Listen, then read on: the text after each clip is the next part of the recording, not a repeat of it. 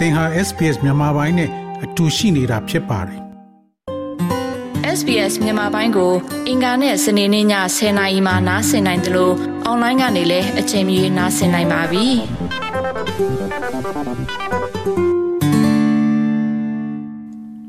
တော်ရရှိမြခင် New South Wales မှာ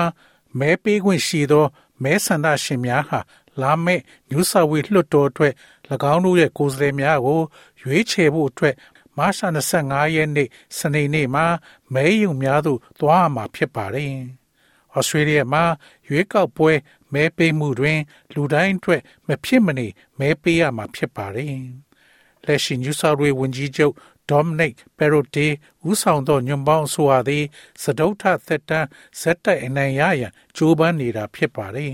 ။ထိတ်တန်းရာထူးအတွက် Mr. Perrottet ရဲ့ အဓိကပြိုင်ဘက်မှာ2021ခုနှစ်ဇွန်လတွင် ပါတီခေါင်းဆောင်ဖြစ်တာဝန်ယူပြီးနောက်၎င်းရဲ့ပထမဆုံးရွေးကောက်ပွဲ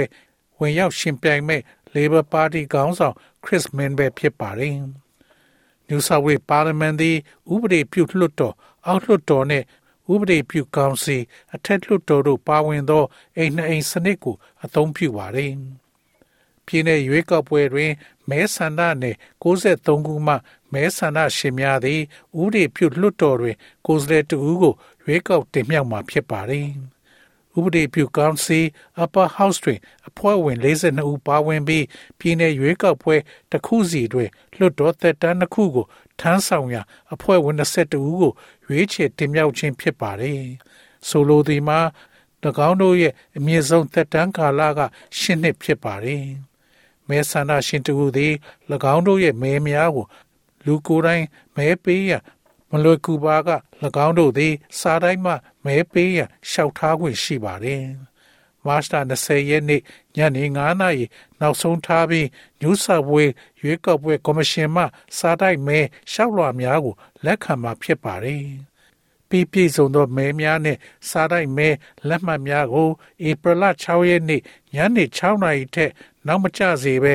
New South Wales ရွေးကော်ပွဲကော်မရှင်မှလက်ခံရရှိရမှာဖြစ်ပါတယ်။ iVote online မဲပေးစနစ်သည်ယခုရွေးကောက်ပွဲတွင်ရရှိမှာမဟုတ်ပါဘူး။ရွေးကောက်ပွဲနေ့မာရှ25ရက်နေ့တွင်မဲပေးရန်ညူဆာဝီတဝန်ရှိဖျားကျောင်းများ၊ကျောင်းများရက်ရွာစင်တာများနဲ့တခြားနေရာများတွင်မဲရုံပေါင်း2450ကျော်ကိုတည်ထောင်ပေးမှာဖြစ်ပါတယ်။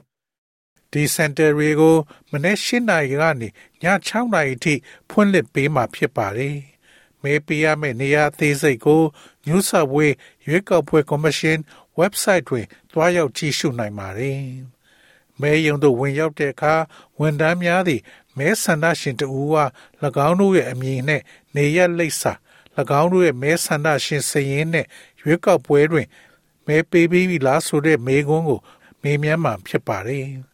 အသေးစိတ်အချက်လက်များကိုအတီးပြုပြီးပါက၎င်းတို့အားမဲစာရွက်ကိုပေးမှဖြစ်ပါတယ်။ဝန်ထမ်းများသည်ရွေးကောက်ပွဲစည်ရင်းတွင်မဲဆန္ဒရှင်တဦးရဲ့အသေးစိတ်အချက်လက်များကို ရှာမတွေ့ပါက၎င်းတို့သည်စန္ဒမဲချညာချက်ကို အပြီးသတ်ရန်လိုအပ်မှာဖြစ်ပါတယ်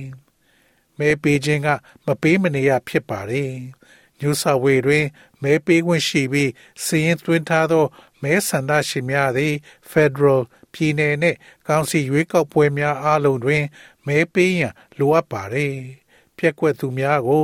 ပြစ်ဒဏ်ချခံနိုင်ရပါတယ်။တင်သည်အိုးမဲ့အိမ်မဲ့မသမဆွမ်းပြည်내သို့မဟုတ်နိုင်ငံရခြားတွင်ရှိနေပါကလည်းမဲပေးရမှာဖြစ်ပါတယ်။ညူဆာဝေတွင်သတ်မှတ်ထားသော နေရလိပ်စာမရှိသောဘေးကျက်နံကျက်ဖြစ်နေသည့်သူများနေထိုင်သည့်နေရာသို့မဟုတ် transitional အိမ်ယာများတွင် နေထိုင်သူများသည်မဲဆန္ဒရှင်များဖြင့်ဆင်ရင်သွင်းနိုင်စေဖြစ်ပါသည်။ဤအမျိုးအစားတွင်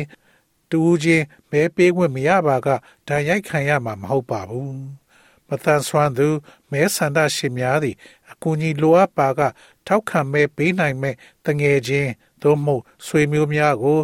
ခေါ်ဆောင်နိုင်ပါတယ်။ သို့မဟုတ်ရွေးကောက်ပွဲဝန်ထမ်းများထံမှအကူအညီရယူနိုင်ပါတယ်။ညူဆာဝေတွင်စည်ရင်သွင်းတင်ထားတော်လဲရွေးကောက်ပွဲကာလအတွင်းနိုင်ငံရခြားတွင် နေထိုင်သည့်သို့မဟုတ်အားလျက်များတွင်စည်ရင်သွင်းထားသည့်မဲဆန္ဒရှင်များသည်ရွေးကောက်ပွဲကာလအတွင်းမဲထည့်ရလိုအပ်ပါတယ်။ဘာသာစကားမျိုးစုံဖြင့်သတင်းချက်လက်များကို ပေးထားပါတ ယ်။ New South Wales ရွေးကောက်ပွဲကော်မရှင်သည်စီရင်သွင်းခြင်းနှင့်မဲယုံဆိုင်ရာ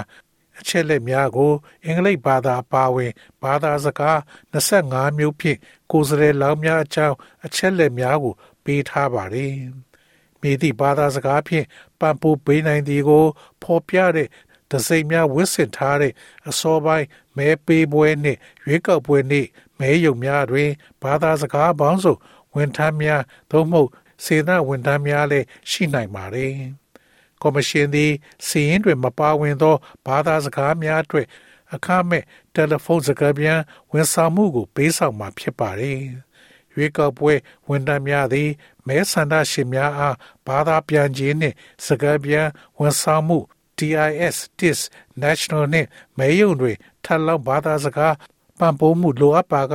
မဲဆန္ဒရှင်များအားဆက်သွယ်ပေးမှဖြစ်ပါတယ်။ ရရွာတွင် ပြန့်နှံ့နေသည့်ရွေးကောက်ပွဲများနှင့်ပတ်သက်သည့်မှားယွင်းသောအချက်လက်များ၏အန္တရာယ်ကိုရောပါစီရန်အတွက်ယူဆဝေရွေးကောက်ပွဲကော်မရှင်သည်ရွေးကောက်ပွဲလုပ်ငန်းစဉ်နှင့်ပတ်သက်သောလွဲမှားသောမှားယွင်းသော ထုတ်ပြန်ချက်များကိုခြေရခံပြီးရင်းဆိုထားသည့်မှန်မှန်မကန်အချက်လက်မှတ်ပုံတင်ခြင်းကိုလှုံ့ဆော်ပေးပါတယ်။ရွေးကောက်ပွဲများကို nsw.gov.au တွင် တွားရောက်ကြည့်ရှုနိုင်သလိုမဲပုံများအကြောင်းပုံမရှာဖွေလိုပါက1300 135 736တို့ခေါ်ဆိုနိုင်ပါတယ်။အဓိကအချက်များကတော့ New South Wales တွင်မဲပေးရန်အရေးချင်းပြည့်မီသူများသည် Federal နှင့်ပြည်내ရွေးကောက်ပွဲများအပြင်ဒေသန္တရအစိုးရရွေးကောက်ပွဲများအားလုံးတွင်စည်ရင်းသွင်းပြီးမဲပေးရမှာဖြစ်ပါတယ်။ အင်္ဂလိပ်ဘာသာမှလွဲ၍ New South Wales ရွေးကောက်ပွဲကော်မရှင်သည်ရွေးကောက်ပွဲနှင့်ပတ်သက်သောအချက်အလက်များကိုဘာသာစကား20ကျော်ဖြင့်ပံ့ပိုးပေးထားပါတယ်။ online မဲပေးစနစ် iVote ကိုယခုရွေးကောက်ပွဲတွေအသုံးပြုမှာမဟုတ်ပါဘူး။သောတာရှင်များခင်ဗျာ SBS သတင်းဌာနက Nikki Gregorio ရဲ့ဆောင်းပါးကိုဘာသာပြန်တင်ဆက်ပေးထားတာဖြစ်ပါတယ်ခင်ဗျာ SBS မြန်မာပိုင်းကို အင်ကာနဲ့စနေနေ့ည10:00နာရီမှနားဆင်နိုင်ပါတယ်။နားဆင်နိုင်တဲ့နည်းလမ်းအများကြီးရှိပါတယ်။ Radio Digital TV Online ဒါမှမဟုတ် SBS Radio App ကနေတဆင့်နားဆင်နိုင်ပါတယ်။ SBS မြန်မာပိုင်းအစီအစဉ်ဖြစ်ပါတယ်ရှင်။